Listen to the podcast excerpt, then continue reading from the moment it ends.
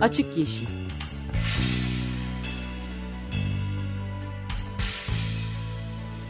Hayatın, politikanın ve sokağın çevre ekoloji gündemi.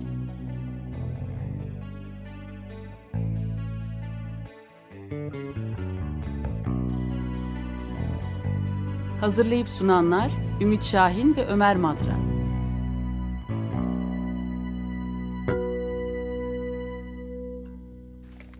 ...94.9 Açık Radyo'da Açık Yeşil başlıyor. Benim İt Şahin. Ben de Ömer Madra. Destekçimiz Nurdan Karaman'a teşekkür ediyoruz. Evet, e, bugün yine son bir haftanın gelişmeleri yeni e, olan biten... ...bir de e, geçen hafta ve ondan önceki hafta yoğun gündem nedeniyle ele alamadığımız e, bir yıl dönümü aslında önemli bir şey. Ondan biraz bahsedeceğiz. E, 16 Ekim, şey pardon Eylül tarihi e, ozon günü olarak kutlanıyor e, birkaç senedir. E, ve bu senede özel bir e, şeydi ve işte özellikle Birleşmiş Milletler'in ozon sekreteryasının sitesinde falan e, büyük büyük e, sayfalar açıldı. Çünkü bu sene 25. yıldı. E, ozon tabakasının delinmesine neden olan gazların yasaklanmasına imkan veren Montreal protokolünün imzalanmasının 25. yılı 16 Eylül 1987'de imzalanmıştı Montreal protokolü ve Montreal protokolü de Kyoto protokolüne de örnek teşkil eden e, teşkil etmesi hayal edilmiş olan zamanında ama bir işe yaramamış olan e, başarılı bir regülasyon yani uluslararası e, regülasyon e, şeyi e, hukuk belgesi ya da e, toplantısı olarak kabul edilebilir. Gerçekten de e, bu protokol sayesinde ozon tabakasına zarar veren e, gazların büyük bir kısmı yasaklandı ve e, 87'den bugüne kadar da e, yasaklanma için verilen tarihler e, giderek geriye çekilmesi de başarılarak e, kloroflorokarbonlar başta olmak üzere bu gazlar e, neredeyse %98 civarında üretimi e, azaltılmaya başar, e, azaltmayı başardı dünya ülkeleri. E, bu da e, aslında e, iki üç konu e, olarak ele alabilirsek mesela e, küresel ekolojik krizin en önemli e, konuları arasında sayılabilecek şeylerden bir tanesiydi ozon tabakası meselesi. Bir diğeri asit yağmurlarıydı örneğin. E, bir diğeri elbette iklim değişikliği. Bunlar içerisinde aslında iki konunun bir tanesi hava kirliliği ve e, asit yağmurları konusunun kısmen e, çözülmesinin e, ozon tabakası meselesinin de e, gerçekten önemli e, yol kat edilmesinin uluslararası e, anlaşmalarla ve aslında kirleticinin yerine e, kirletmeyen da, ya da daha az kirleten bir alternatif bulunmasıyla mümkün olduğunun kanıtı olarak gösterilebilir. Çünkü e, hava kirliliği meselesi nereden aklıma geldi onu da hemen söyleyeyim. Guardian gazetesinde daha dün bir haber vardı ve haberin başlığı hava kirliliği hala Avrupa'da e, tehlikeli boyutlarda bulunuyor ve sağlığı tehdit ediyor e, başlığını taşıyor. Avrupa'nın genelinde hava kirliliğinden kaynaklanan e, şeyler ölümler diyelim. Yani genelde toplam popülasyonda yaşamı 8 ay kısalttığı çok e, kirli bölgelerde de 2 yıl e, Avrupa'da e, yaşamı kısalttığı. Yani bu şu demek beklenen yaşam süresi hava kirliliği nedeniyle ortalama 8 ay e, azalıyor. E, en kirli yerlerde de 2 yıl azalıyor. Bu tabii çok korkunç bir rakam ya, aslında. Akıl olmaz bir rakam evet. E, bunun siz Çin'deki e, şeyini falan düşünün, karşılığını düşünün. Hala hava kirliliğinin Avrupa'nın eski zamanlarındaki düzeyde olduğu zamanı düşünün. Ama mesela bu halinin şu anda gözle fa fazla görünmeyen bir hale dönüşmesi aslında tam da işte kirleticinin yerine daha az kirletenin geçmesiyle yani doğal gazla mümkün olmuştu. Ben e, doktora tezimi 90'lı yıllarda İstanbul'un hava kirliliği neden olduğu ölümler üzerine yapmıştım ve o tam o dönem doğalgaza geçiş dönemiydi. E, benim incelediğim, verileri incelediğim dönem. E, ve gerçekten de doğalgaza geçiş döneminde kükürt kirliliğinin, kükürt dioksit kirliliğinin e, ciddi biçimde hızla düştüğü, işte bu gözle görülen smokların falan azaldığı ama partikül kirliliğinin o kadar da değişmediğini gösteriyordu veriler e, ve işte beklenen ölüm sayısında ciddi biçimde arttığını kirli günlerde kirli olmayan günlere göre İstanbul'da daha fazla insanın öldüğünü gösteriyordu e, araştırmanın sonucu. Burada da aynı şeyi yapıyorlar. E, özellikle bu araştırmalar Avrupa'da çok uzun süredir yapılıyor. E, ve hala partikül kirliliği azalmadığı için, ciddi biçimde azaltılamadığı için e, ölümlerin devam ettiği görülüyor. Yani biz gözle görmediğimiz için fazla partikül kirliliğini e, hava kirli değil sanıyoruz. Halbuki e, partiküller yani partikül aslında nasıl tanımlanabilir? Gözle görülmeyen mikron büyüklüğündeki parçacık, evet, parçacık yani, yani kurumun kurum gibi düşünün. E, kurum gözle görülen partikül. Onun gözle görünmeyen işte özellikle de 10 mikronun altındaki büyüklükler ya da 2,5 mikronun altındaki büyüklükler e, akciğerin derinliklerine kadar, alveollere kadar gittiği için e, son derece tehlikeli. E, bunların sayısı hiç de düşmüyor. Niye düşmüyor? Çok temel bir nedeni var aslında motorlu taşıt trafiği. E, artı azot oksitler de düşmüyor. Yine motorlu taşıt trafiğinden ve işte sanayiden kaynaklanarak. E, bu da tabii ozona bir de üstüne neden oluyor. Çünkü azot oksitler güneş ışığıyla e, reaksiyona girdiğinde yaz aylarında bir de üstüne ozon kirliliği ortaya çıkıyor. Yani aslında bu araştırma bence son derece önemli. Türkiye'de e, göz ardı edilmeye başlayan bir mevzu. Hani hala kömürle ısınan kentlerde devam ettiği ama İstanbul'da sorun kalmadı düşünülüyor ama böyle değil. Evet insanların böyle algılama e, işlerine geleni gerçekliği e, gerçeğin yerine koydu. uygun olmayan, işe gelmeyen gerçeklerin var e, yok sayılmasının tipik örneklerinden biri bu. Yani gözle görmeyince gözden uzak, gönülden ırak vaziyetleri oluyor. Bu çok e, küresel iklim değişikliği içinde, küresel ısınma içinde çok net olarak görünen bir olay. Ayrıca bu ozon e, şeyini sadece 25. yılından dolayı, yıl dönümünden dolayı değil, Aynı zamanda başka bir sebeple de çarşaf çarşaf e, yayınlamakta çok haklı Birleşmiş Milletler. Çünkü elde gözle görülür çok az başarı, başarı var. Evet. Onu da vurgulamak zorunda hakikaten ozon konusunda e, uluslararası işbirliğinin ve bir miktar basiretli davranabilmenin ender, pek ender rastlanan örneklerinden birini ama işte e, bu doğru gerçekten bir basiret örneği olarak gösterilebilir. Uluslararası mekanizmalardan vazgeçmemek gerektiğinin bir kanıtı olarak gösteriyoruz zaten sürekli Mornell'e. Evet. Ama bir taraftan da şöyle bir arada ciddi fark var. Yani ozon tabakası meselesiyle iklim değişikliği meselesi arasında e, kloroflorokarbonla karbondioksit arasındaki kadar dağlar var. Evet. E, bu hikayeyi çok kısaca hatırlarsak ozon tabakası denen tabaka e, stratosferde bulunuyor. Yani atmosferin üst katmanında 10 kilometre bizim bizden uzakta yukarıda. E, 10 kilometre ile 16 kilometre arasında yer alan stratosferdeki ince bir tabaka bu ozon tabakası. İnce bir tabaka ama çok yoğun ozon moleküllerinden oluşan bir tabaka. E, o kadar ince ki bu arada hani ben e, yanlış bir karşılaştırma yapmak istemem ama ozon tabakasının kalınlığı hani eğer yeryüzüne getirip ölçerseniz aynı şartlar altında olursa falan sıfır derecede şu bu birkaç milimetre aslında. Ama çok yoğun bir tabaka ve bu yoğunluk azaldığı zaman e, tabaka inceliyor. İşte normalde bu Dobson ünitesi diye ölçülüyor bu e, şey. İşte normalde 300 diyelim ünite kalınlığında olması gerekirken 260'ın altına e, düştüğünde 220'lere özellikle düştüğünde delik olarak kabul ediliyor e, bu tabakanın deli, e, kalınlığının ozon tabakasının 100 üniteye kadar düştüğü biliniyor. Yani 100'e kadar düşüyor. Düşünün 220'nin altı e, tehlikeli. tehlikeli.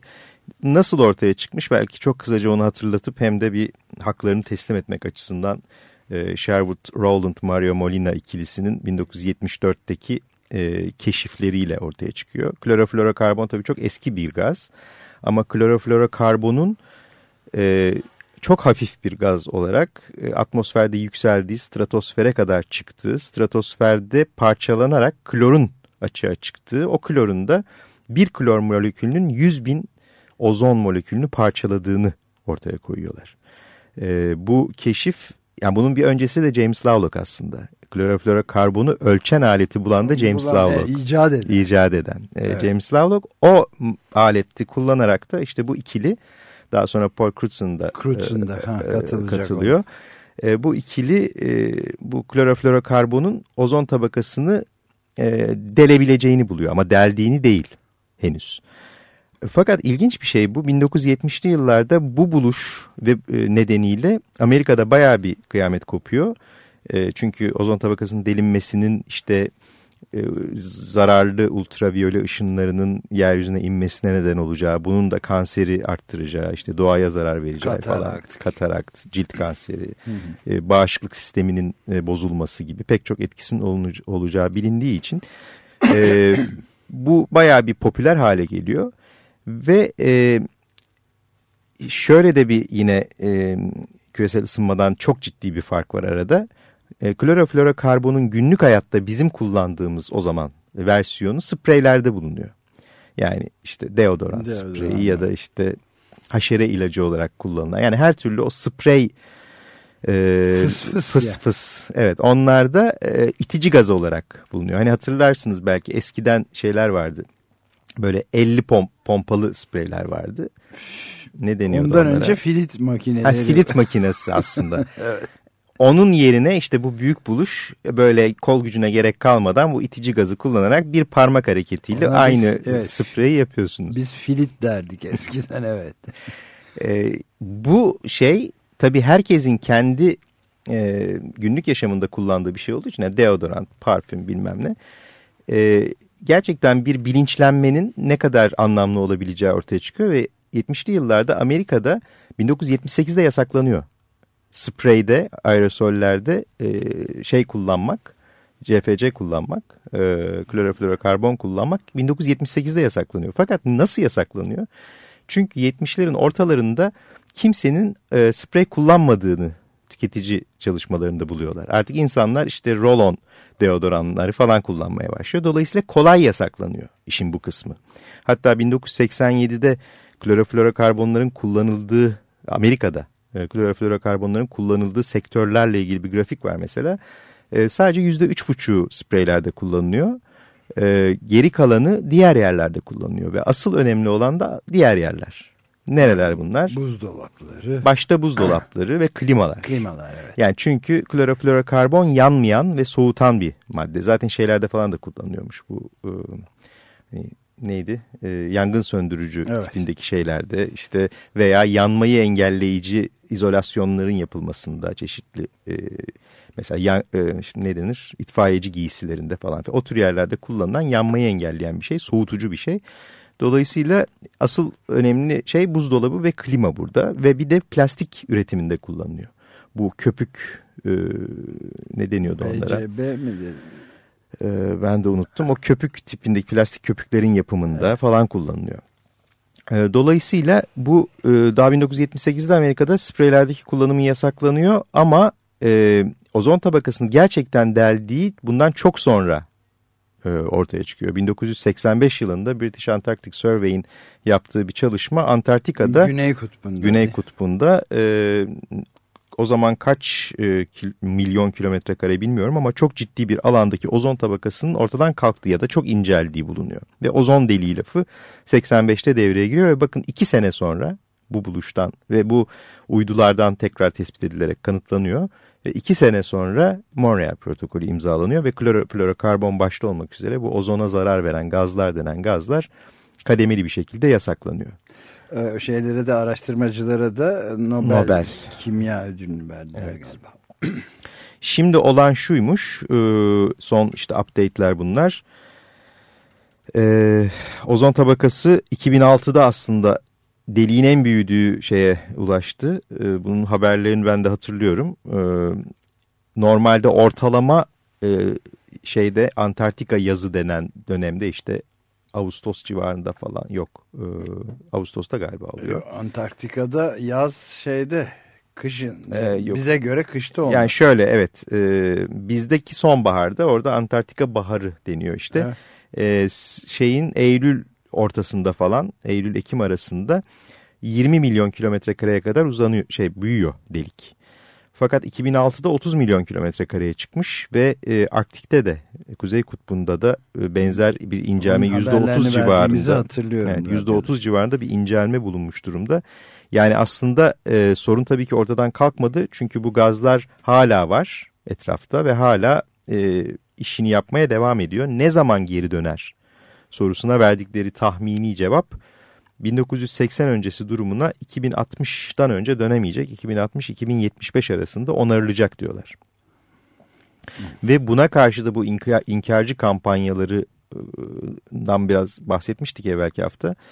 Ee, yine Fred Singer'ın e, başını çektiği bir kampanya. E, klor evet ozonu parçalar ama yanardağlardan e, püsküren klor asıl parçalar. Kloroflorokarbonun hiçbir suçu yok diye bir kampanya yürütüyorlar. Halbuki burada çok açık bir yalan var.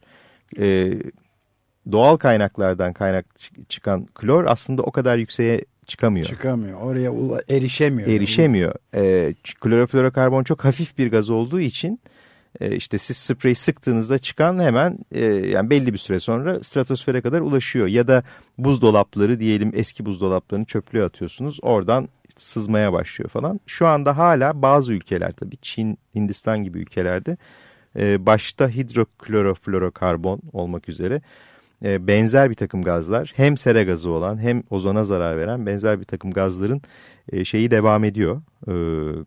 Üretimi devam ediyor ama tabii eskisi e, kadar değil dediğim gibi %90 8'e varan e, bunların üretiminde azalmalar olduğuna dair e, grafikler falan var. Yani en başarı, en büyük başarı hikayesi dediğimiz şeyde bile aslında korkunç bir olayın ancak kısmi bir iyileşmesinden bahsedebiliyoruz. E, tabii çünkü şimdi Avustralya'da cilt kanseri salgını var. Evet. Yani kontrol etmedim rakamı ama bir yılda 40 milyon vakadan falan bahsedildiğini hatırlıyorum. Ya, inanılmaz bir cilt kanseri salgını var ve bağışıklık sistemini de bozuyor bu e, ultraviyole B. O yüzden örneğin gerçekten zaten bağışıklığı düşük olan işte AIDS hastaları olsun, yaşlılar olsun, kronik hastalığı olanlar olsun bunlarda çok ciddi sağlık durumunu kötüleştiriyor. Katarakta neden oluyor. En önemli şeylerinden bir tanesi. Zaten bu Ronald Reagan'ın e, ne bakanı bir bakanı hatırlamıyorum şimdi şey demiş zamanında. Ben size ozon tabakası ile ilgili e, asıl önlemi söyleyeyim güneş gözlüğü ve şapka takın. Evet. Çok güzel. Kloroflorokarbonlara dokunmayın diyor yani. Dokunmayın diyor. Evet bir, bence de en başarılı hikayenin de ardında böyle bir trajedinin de yatmakta olduğunu unutmamak lazım. Bir yani. de son bir şey bir ufak ara verelim. Ee, son bir şey bu ozon tabakası 25. yılla ilgili Birleşmiş Milletler'in yayınladığı broşürde e, buzdolapları, klimalar hangi ülkelerde çok artıyor diye bir e, grafik var. En çok artan iki ülke Çin ve Türkiye. Yaşasın. Büyüyoruz. bir e, müzik arası e, verebilir miyiz bilmiyorum. Belki biraz sonra veririz. E, müzik arası The Band çalacağız bugün. E, daha sonra da konuşmaya devam edeceğiz. The, Band, The Band'den The Wait.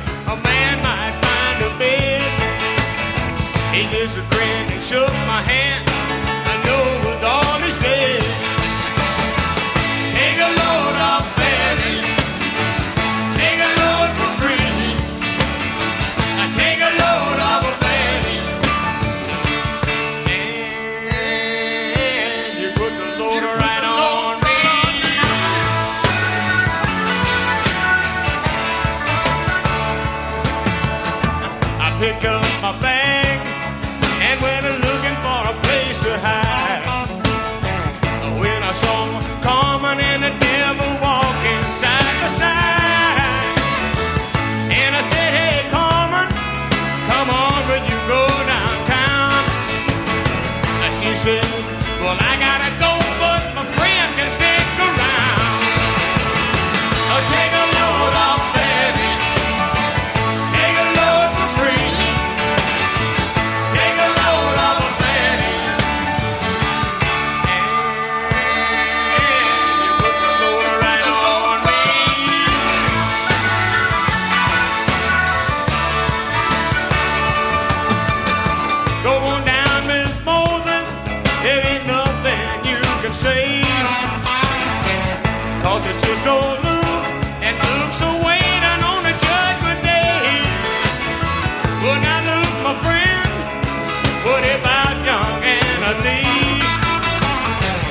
said, do me a favor, son. Won't you stay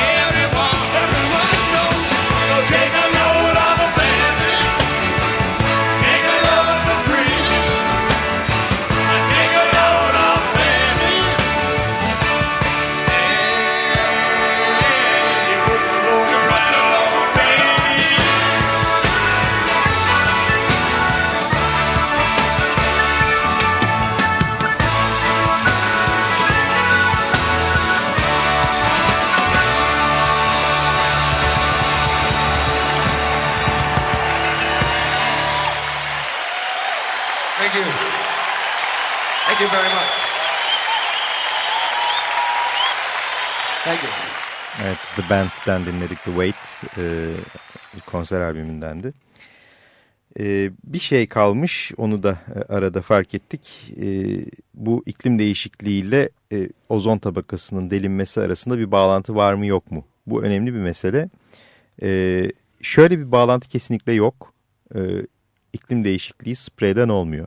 Çünkü bu e, maalesef benim bugüne kadar duyduğum en e, yanlış şehir efsanelerinden bir tanesi. Tabii tamamen e, şeyden kaynaklanıyor. Yani özellikle 80'li yılları yaşayanlar bu sprey muhabbetini çok iyi hatırlıyor. Ve sprey sıkmak kötü bir şey atmosfere zarar veriyor diye e, biliyoruz. Buradan da doğrudan bir bağlantı kuruyoruz aklımızda ve atmosfere zarar verdiğine göre küresel ısınmaya da o zarar veriyor herhalde. Dolayısıyla sprey kullanmazsak e, küresel ısınma da olmaz. Bu bağlantıyı ben çok duydum. Hani açık yeşil din, dinleyicileri için çok e, anlamsız gelebilir ama hani çok yaygın bir görüş bu. E, böyle bir bağlantı tabii ki yok. Bir tanesi çok daha minör bir gaz, e, kloroflorokarbon yerine başka bir şey koyabiliyorsunuz. Diğeri ise karbondioksit.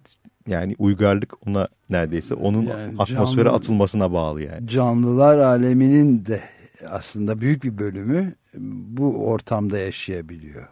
Evet ama onun ötesinde şunu demeye çalışıyorum. Karbondioksitin atılması e, bütün bu endüstri uygarlığının temel temelini oluşturuyor Evet, yani tabii. fosil yakıtlar. Şimdi arada böyle bir bağlantı yok. Şöyle bir bağlantı var. Bu e, gazlar kloroflorokarbon başta olmak üzere hidroflorokarbon e, neydi HF, HFCF e, onu şey yapamadım şimdi. Bu başta olmak üzere bunlar aynı zamanda sera gazı. Ama sera gazları içerisindeki yüzdeleri düşük şeye göre karbondioksite göre falan. Hatta e, CFC'nin yerine konan HFC ozona zarar vermiyor. Yani hidroflorokarbon fakat o da sera gazı. Yani böyle e, talihsiz bir takım bağlantılar var. E, ama asıl bağlantı o değil. Asıl bağlantı şu e, ozon tabakasının incelmesi e, daha çok bu strat, stra- stratosferik bulutların yoğunlaştığı zamanlarda oluyor. Da stratosferik e, sıcaklığın düşmesiyle e, alakalı. E, küresel ısınmada troposfer yani bizim içinde yaşadığımız yeryüzüne yakın atmosferin sıcaklığı artarken tra- stratosferin sıcaklığı düşüyor. Düşüyor hem de büyük bir düşüş. Dolayısıyla e, küresel ısınma aslında ozon tabakasının incelmesine de katkıda bulunuyor. Yani siz kloroflorokarbonları ortadan kaldırsanız bile küresel ısınmayı durduramazsanız yine ozon tabakası delinmeye başlayacak. Yani bu işte Barry Commoner'ın e, şeyi e, neydi? E, ekoloji yasaları arasında var ya her şey birbiriyle bağlantılıdır bağlantılıdır. ve hiçbir şey bir hiçbir yere gitmez. Yani her şeyin mutlaka bir sonucu çıkar sonuçta. E, tam böyle bir olay. E, dolayısıyla böyle bir e, trajik bağlantı yine var arada yani. Evet ve yani küresel iklim değişikliğini, küresel ısınmayı konuşmaktan e, kaçınmak eğilimi duyuyor insanlar bu korkunç şeyleri ama artık e, kaçınacak zaman gelmedi, e, kalmadı. Gerçekten zaman kalmadı. Yani e, şey yeni bir e, James Hansen 22 Eylül tarihli yeni bir e, araştırma yayınlamış. Daha sadece kapağını görebildim arkadaşlarıyla beraber e, ve durumu tamamen yeni bir çağa girilmiş olarak ve gezegenin e, olağanüstü hal e, durumunda olduğunu söylüyor. Plan- planetary emergency tabirini kullanıyor. Yani gezegen bir olağanüstü hal. Keş- Keşke Jamiroquai çalsaydık. Onun tam böyle bir albümü vardır. Emergency on the Planet. Daha çok ça- çalacak zamanımız olacak. Hiç o konuda telaşa kapılmana lüzum yok Ümit. Yani e, şey e, çok net olarak söylediği bir şey gerçekten tedbir alınmadığı takdirde bu işin gidişin e, sonu bitiktir. Dünya kırılıyor demeye getiriyor. James Hansen dünyadaki bilebildiğimiz kadarıyla en önde gelen iklim bilimci hem NASA'da e, Goddard Enstitüsü'nün başkanı yeryüzü araştırmaları hem de Columbia Üniversitesi'nde aynı işi yapıyor. Öğretim üyeliği bir aktivizm de yapıyor. Ve şunu net olarak söylüyor. Bilim tamamen kesinleşmiştir. Ona yani bilime inanıyorsak eğer o zaman James Hansen'ın dediklerine de e, inanmak ve e, bu işin şey olmasına e, yani bilim insanlarının neler olup bittiğini e, gördüğü ile ve dünyada da neler olup bittiği konusundaki fikriyle ortalama bizlerin e, bilebileceği arasındaki bu aranın kapanması lazım. Yani bilimcilere kulak verilmesi ve ne gerekiyorsa bu bu bilgi yeni ulaştığımız bilgi yeni durum ne gerektiriyorsa onu yapmamız gerekiyor. Biz naçizane açık radyoda e, sadece bunu yapmaya çalışıyoruz bu programlarda. Ve bunu sürekli tekrarlamak gerekiyor. Evet tekrarlamak yani James Hansen işte Cambridge Üniversitesi'nin en e, saygın profesörlerinden Profesör Wadhams'ın söyledikleri ben bunları bir araya getirdim. Dünyada bu konuyla en çok ilgilenmiş olan Bill McKibben'ın yazarın söylediği hepsi e, ve e, başka son derece önemli bazı bilim insanları mesela NASA'dan anahtar e, kilit önemde bir paper yazan Andrew Lacey'sin de söylediği şey var. Yani başka bir alternatif yok. Yani doğrudan doğruya insan eforuyla bu küresel ısınma geri getirilebilir diyor. Bunu da çok açık bir NASA imzalı bir e, bilimsel yayında ortaya koyuyor. Yoksa da dünya kırılacak diyorlar. Bütün bu insanların yanılıyor olduğunu düşünemeyiz yani. E, o yüzden harekete geçmenin zamanı. Evet programı e, bir eylem haberiyle kapıyı kapayalım. Gelecek hafta bu konu üzerinde biraz daha fazla durabiliriz diye umuyorum. E, bu hafta sonu 30 Eylül Pazar günü saat 14'te Türkiye genelinde eş zamanlı bir şekilde yeni hayvan hakları yasasına karşı eylem var. Yeni hayvan hakları yasasının gerçekten hayvanlara ölüm yasası olduğunu söylüyor hayvan hakları savunucuları. E, bu konuya daha sonra değineceğiz ama e, bütün e, internetten tararsanız hayvan hakları ile ilgili e, listeyi bulabilirsiniz. Haydos'un e, sitesinde de var. E, eş zamanlı olarak 30 Eylül Pazar günü saat 14'te Açık bu Radyo eylemlere sitesinde de bu konuda bir yazı var. Adresler var. İsteyenler Evet. Da açıkradyo.com'dan da destek bakabilirler. olalım. Gelecek hafta görüşmek üzere. Hoşçakalın. Hoşçakalın.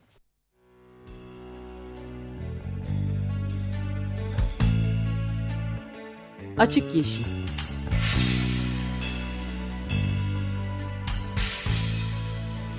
Hayatın, politikanın ve sokağın çevre ekoloji gündemi.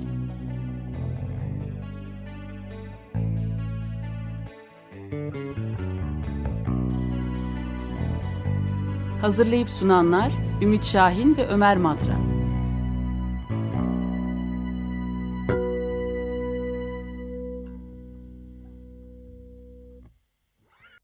Radyo program destekçisi olun. Bir veya daha fazla programa destek olmak için 212 alan koduyla 343 41 41